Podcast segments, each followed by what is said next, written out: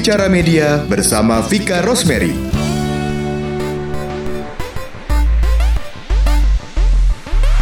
Halo, saya Vika Rosemary, praktisi radio selama 20 tahun. Saat ini saya siaran dan menjadi program director di 103.8 Bravo Radio. Ini adalah podcast tentang media.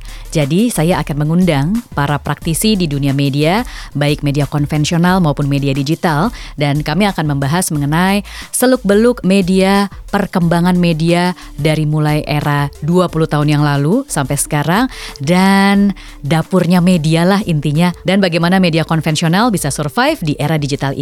Dan untuk episode Bicara Media saya yang pertama, saya bersama dengan Prita Prawiro Harjo, Group Music Director MRA Media, dan juga Music Director Hard Rock FM Jakarta. Hai Prit. Halo. Ini edisi perdana podcast loh. Iya. Kita langsung bicara soal musik di radio karena banyak orang yang eh, bertanya gitu ya ke gue ya karena gue kerja di radio. Eh itu radio gimana sih caranya milih lagu buat diputer di radio? Nah karena gue nggak bisa menjawab secara uh, akurat, gue langsung membawa pakarnya nih, yaitu lo, the one and only yang udah 18 tahun di radio.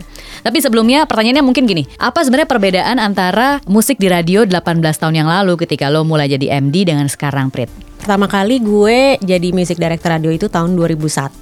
Nah, pada saat itu uh, boleh dibilang persaingan dunia radio itu belum kayak sekarang. Oke. Kalau dulu tuh uh, emang kita uh, ada riset-riset juga ya kayak Nielsen dan lain-lain. Cuman kalau dulu tuh kita masih dibebasin untuk uh, intinya gini loh, masang kita bisa putar masang apa pun lagu yang kita suka yang sesuai sama segmen pendengar radio kita masing-masing. Oke. Kayak gitu. Jadi eh dan zaman dulu tuh kita tuh nggak ada belum ada digital platform. Iya, bener, Dan bener. YouTube sih udah ada ya, cuman maksudnya- Belum. Kalau dulu gue pertama kali siaran ya tahun Udah 99 itu gue masih nyari lagu sendiri di library dalam arti gue nyari CD, Iya, CD. manual Iya, iya, iya, bener-bener. sama kaset. Iya. Oh, oke. Dah waktu itu tuh eh, kita materinya tuh masih benar-benar full mengandalkan dari recording company Oh, label musik eh, representatif di Indonesia Uh-uh. untuk lagu internasional sama lagu lokalnya. Oke. Nah, kita tiap minggu dapet tuh materi eh, waktu itu eh, CD ada CD ada kaset masih bisa Iya, kaset loh masih kaset, benar, 2001. benar, benar, benar, benar. kita dapet setiap minggu kita dapet eh, lagu-lagu baru terus ki- kita dengerin kita pilih-pilih mana nih lagu-lagu baru yang cocok buat radio kita masing-masing kayak gitu terus dari zaman dulu tuh kalau kalau kita di Emera kita kan langganan eh, apa eh, lagu-lagu yang diputar di radio-radio di Amerika, Amerika, sama uh-uh, Eropa uh-uh. kita langganan juga udah kita bener cuma ngandelin dari situ doang sama kalau misalnya kita eh, mau pasang lagu-lagu lamanya tuh ya kita bener kita milih-milih sendiri, Milih sendiri tuh ya? di CD di library Iya di library terus Iya. misalnya hunting ke toko kaset, ke toko CD, ke Jalan Iya. Surabaya. Iya Sabang tuh Duta Suara, Iya, benar, Aquarius, Mahakam kayak nah, gitu. kalau sekarang dengan adanya kemajuan teknologi kita bisa download lagu-lagu gitu nggak? Eh, kalau sekarang download sih emang kita bisa beli ya, kita bisa beli kayak di apa eh, Apple Music itu bisa beli. Cuman kan kita tetap masih langganan yang dari Amerika sama Eropa itu. Oh, sekarang kita Eropa doang sih Amerika udah nggak. Eh, kita masih langganan yang kompilasi lagu-lagu yang diputar di radio-radio sana itu. Sama kita juga masih eh, diservis sama label. Cuman sekarang eh, sistemnya tuh mereka nggak kirim fisik lagi, cuman mereka kirim dalam bentuk email. Email tuh ada linknya eh, yang bisa buka cuman kita doang MD-nya. Jadi kita bisa download eh, lagu-lagu itu tiap minggu yang cocok buat kita tuh yang mana kayak gitu. Oh oke.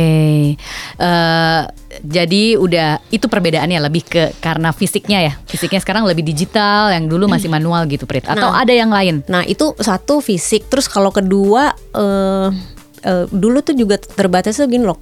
Kalau zaman zaman gue dulu ya itu eh, gue itu suruh bikin eh, daftar lagu 127 lagu yang untuk eh, di airplay di radio selama satu minggu Oh, dan itu oke. berubah terus tiap minggunya. Oke. Ada yang stay, ada yang eh, diganti terus bikin chart juga kalau bikin chart sampai sekarang masih.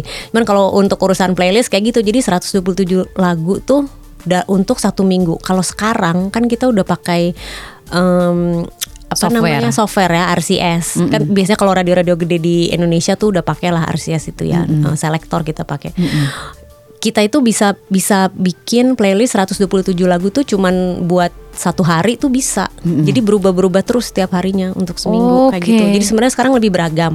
Tapi kita ada sistem juga. Jadi kalau sekarang tuh karena sekarang sistemnya kan kita lagu hits kita must- kita nggak bisa enggak kita harus harus mutar lagu untuk radio komersil yang orang udah kenal dan orang suka. Nah, Oke. gimana caranya biar tahu orang yang udah kenal dan orang suka? Nah, itulah di saatnya kita riset, Oke. kayak riset di YouTube official channelnya atau riset di platform digital dia itu eh, masuk eh, top 10 atau top 20 atau billboard kayak gitu-gitu. Jadi kalau sekarang tuh bener eh, nggak ada kita udah nggak bisa idealis lagi sebagai MD. Jadi nggak bisa nggak bisa muter yang kita suka doang gitu. Masa? Nggak bisa. Oh ya, jadi Iya. ideal, jadi idealisme MD Udah itu bisa sekarang. tercermin dari mana dong? Nggak- Em, apa udah nggak ada lagi emang? ada tapi bisa diakalin tapi diakalin kayak gini kayak misalnya kita sebut deh satu artis eh, misalnya Coldplay ya. Coldplay semua radio akan main yang mana? Akan main misalnya balladnya Fix You itu kan Fix udah ngetop banget iya, ya. iya. cuman eh, sebenarnya ada ballad dia lagi yang juga enak dan, ju- dan juga jadi soundtrack eh, film-film eh, kayak Wicker Park yang zaman-zaman dulu gitu deh film-film yang box office juga. Nah kita bisa kita bisa selipin tuh kayak eh, hitsnya yang judulnya The Scientist gitu instead of Fix You jadi sementara semua radio lagi main Pun Fix You Fix kita You. main The Scientist sebenarnya kita Oh. ngak- ngakalinnya kayak di situ Oh oke. Nah sekarang bicara soal playlist ya. Tadi lo bilang dulu dapat tugas 127 radio lagu tiap minggu, tapi sekarang itu tiap hari. Kalau sekarang berapa banyak tiap minggu? 300, 400? Enggak ya? Lebih ya? Sekarang kita bisa play 200-an lagu dalam satu dalam satu dua hari tuh bisa Oke. Nah, menentukan playlist tuh gimana, Prit? Jadi gini, berapa banyak lagu baru yang mesti masuk? Berapa banyak lagu lama yang udah dikenal orang tadi yang kita bilang? Itu tetap harus ada di playlist dan berapa banyak lagu nostalgia? Kan kadang-kadang pendengar juga pengen dong ya denger lagu-lagu yang lama gitu. Uh, kalau lagu baru sebenarnya kita di sini bicara barunya kita itu bukan yang benar-benar baru yang uh, hari ini rilis besok atau minggu depan kita langsung puter bukan kalau di kita di radio komersil tuh barunya kita itu adalah hari ini rilis satu bulan atau dua bulan kemudian baru kita airplay atau putar itu pun Oh. tergantung dari uh, view-nya udah berapa nih di YouTube official channelnya Oh. kalau di Hard Rock FM Jakarta sendiri kita punya rules di bawah 30 juta view kita belum pasang Oh, untuk gitu? lagu baru iya Oke. Jadi walaupun misalnya ada lagu baru yang rilis di Amerika, belum tentu besoknya kita puter. Belum, kita nunggu dulu. Udah berapa juta nih view-nya kecuali kecuali eh, kalau misalnya yang udah terkenal banget banget kayak misalnya kayak Maroon 5, kayak Taylor Swift, kayak eh, Ariana Grande? Iya, kayak Ariana Grande tapi Camila Cabello. iya, tapi itu pun nggak semua hits, nggak semua lagu-lagu mereka itu jadi hits di Indonesia. Jadi benar-benar harus milih-milih lagi yang jadi trennya mereka tuh kalau untuk di Asia seperti apa karena kadang beda juga sama yang di Amerika. Oh, oke. Nah, menentukan persentasenya tadi bagaimana caranya? Presentase kalau di sini sih kita ngomongin eh, lagu baru tuh sebenarnya sedikit, jumlahnya sedikit, Iya. tapi rotasinya yang banyak. Oke. Jadi kayak eh, sebenarnya lagu yang bener-bener baru tuh paling cuman ya 10 sampai 15 lagu per Oh minggu iya, oke. saja. Tapi rotasinya ada yang eh, tiga jam sekali, ada yang 4 jam sekali, ada yang sehari tiga kali kayak gitu. Oke, mungkin pendengar nggak bosan tapi penyiarnya kayak Oh, mau pasti. muntah dengernya gitu ya. Aduh lagu ini mulu mulu tapi pendengar belum Iya. tentu ya. Pasti dia seneng. Enggak, pendengar sih belum tentu bosan Kak. Bukannya belum tentu, emang pendengar tidak akan bosan karena dia tidak mendengarkan radio 12 sampai 24 jam Nggak setiap kayak, hari nggak kayak orang radionya gitu nggak kayak kitanya. Oke, kemudian lagu yang lama. Lagu lama eh, lagu lama sih lumayan ba- lumayan lumayan banyak ya ini jelas lagu lama lebih banyak daripada lagu baru tapi rotasinya lebih sedikit Oke. jadi misalnya kalau lagu baru tuh 10 sampai 15 lagu lamanya tuh ada sekitar mungkin 50 gitu cuman itu rotasinya lebih sedikit bisa cuman sehari dua kali atau sehari sekali atau ada juga malah yang seminggu cuman berapa kali gitu Oke, itu termasuk lagu nostalgia yang tadi seperti Itu gue bilang. iya. Oh, oke.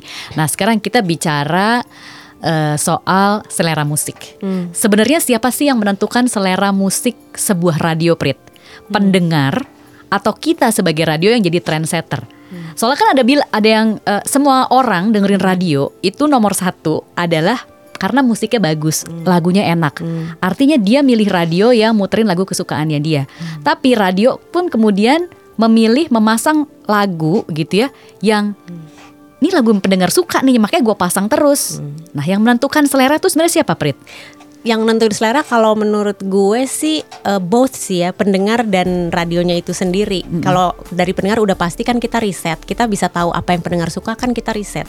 Uh, kita harus kita harus punya kayak uh, tim riset internal juga yang riset bahwa uh, oh lagu ini suka nggak, mau denger nggak, mau dengernya malam, pagi, siang, sore, mau berapa kali itu mesti ada. Mm. Riset internal tuh mesti ada. Mm. Dan kita juga mesti dengerin radio kompetitor ya, time-time paginya terutama bahwa bener. apa sih yang yang disukain sama pendengar radio kompetitor kita tentu yang jumlahnya di atas pendengar radio kita ya. Betul. Jadi kita tahu itu udah valid banget. Jadi oh kayak gini, oh trennya jadi seperti ini. Nah cuman gimana ya uh, kita dari pihak radio ngakalinnya supaya kita punya signature sendiri nah, yang tidak sama dengan radio lain. Itu yang penting. Jadi semua lagu kita boleh pasang semua lagu hits yang sama tapi gimana caranya kalau orang dengar radio kita tuh oh ini radio ini nih udah pasti iya, gitu. Uh, uh. Kalau sekarang bunyi radio terutama radio yang anak muda gitu ya. Hmm. Itu kayak sama semua mereka puter sama.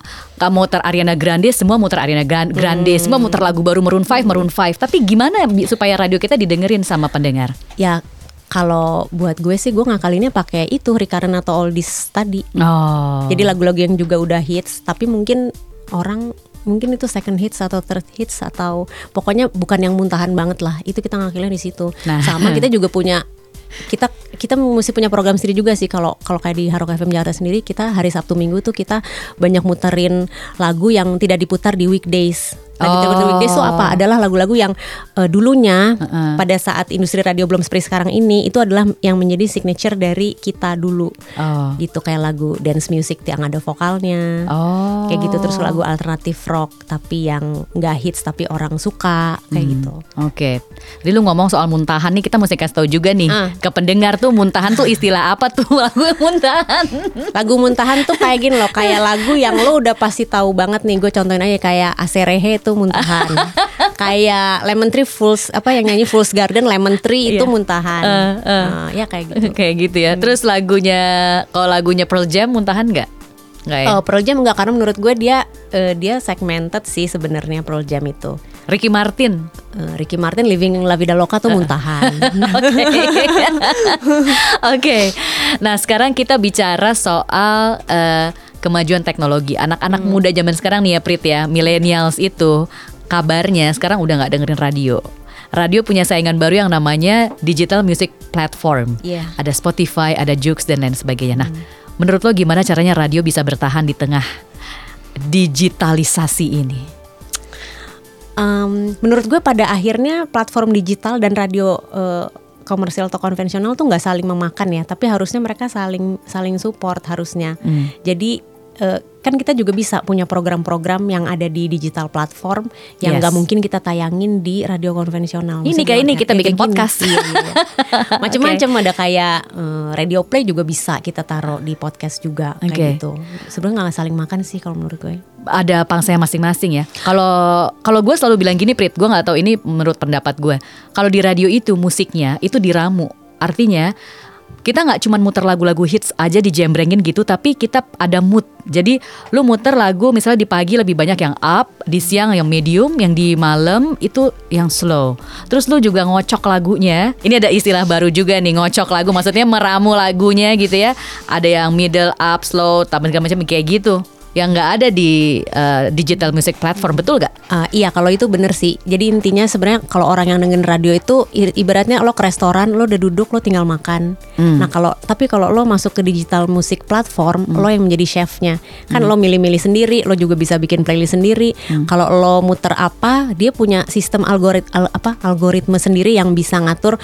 Oh si Prita nih atau si Vika nih suka lagunya ini ini nih berarti nextnya kalau dia shuffle gue akan muterin lagu yang sesuai sama karakter lagu-lagu yang udah dia puter. Hmm. Jadi sebenarnya uh, kalau buat orang yang gaptek ya udah dengerin radio konvensional aja, intinya gitu. gitu ya. Oke, okay. untung gue masih gaptek, jadi gue dengerin radio konvensional aja. Secara gue juga kerja di sini. Nah, um, ini yang penting juga nih pertanyaannya. Masih nggak sih radio itu berperan dalam uh, industri musik? Uh, masih lah kalau gue bilang karena ya gimana pun juga sekarang ada YouTube ya kan? Hmm. Sekarang semua orang pengen masuk YouTube gitu loh, Prit. Iya. Maksud gue masih penting gak nih radio akhirnya dalam industri musik? Mungkin mesti digabungin sama uh, materi newsnya juga kali ya, karena kan hmm. kan orang nggak bisa tahu real time traffic info dari YouTube Iya sih, Ah, nggak ada pen, nggak ada penyiar, eh penyiar juga ada kalau di YouTube Iya, ya. Iya, ada juga ka- kayak info gitu informasi ya. ada Hmm. sama ya itu sama ya kalau lo mau cuman tinggal duduk manis dengerin ah, kayak lo ke restoran lo tinggal makan ya Hmm. lo udah mau ada chef pribadi ya itu radio Atau selama Jakarta masih macet, ya orang masih dengerin radio. masih dan sekarang kan udah bisa di handphone juga ya ada aplikasi Tapi gue denger Digital. di Amerika pun gitu ya, semua artis-artis baru, penyanyi baru yang ngeluarin album, mereka pasti akan tur ke radio itu wajib. Iya, emang iya itu karena ya emang karena dari sananya udah kayak gitu kali ya. Maksudnya radio itu kayak udah sesuatu yang nggak bisa tergantikan oleh uh, industri, oleh teknologi nggak bisa gitu aja tergantikan karena tetap aja beda, pangsanya beda, terus fungsinya masing-masing juga beda. Ada ada hal-hal yang yang nggak bisa dilakukan oleh platform musik digital, tapi yang radio masih bisa lakuin. Oke. Nah, ini pertanyaan terakhir Prit. Lo sebagai eh, MD pasti punya eh, apa ya, idealisme sendiri. Kira-kira kalau misalnya lo disuruh bikin radio, lo akan muter musik yang seperti apa? Kalau gue disuruh bikin radio sendiri, eh, gue maunya itu kayak variety show. Variety show-nya maksudnya gue akan start dari genre eh, gue mau itu muterin genre 80s, 90s sama 2000-an tapi yang bukan muntahan dan bukan yang di play oleh semua radio di Indonesia. tapi yang enak lo pasti enak deh percaya aja pasti enak. Pasti anak lo percaya 18 tahun gitu dan ini eh, radio yang Prita pegang tuh adalah radio yang jadi trendsetter musik Indonesia. Yeay. Prita thank you ya udah ngobrol-ngobrol di edisi udah diundang. sama-sama. Ini edisi perdana dari eh, Bicara Media. Kalau misalnya eh, Anda pengen tahu lagi siapa tamu yang akan saya undang di edisi-edisi berikutnya silahkan dan kalau mau eh, mengirimkan saran untuk podcast Bicara Media Anda bisa kirimkan melalui email saya evika at bravaradio.com Thank you ya, thank you Prit, Eh, Thank you, bye. bye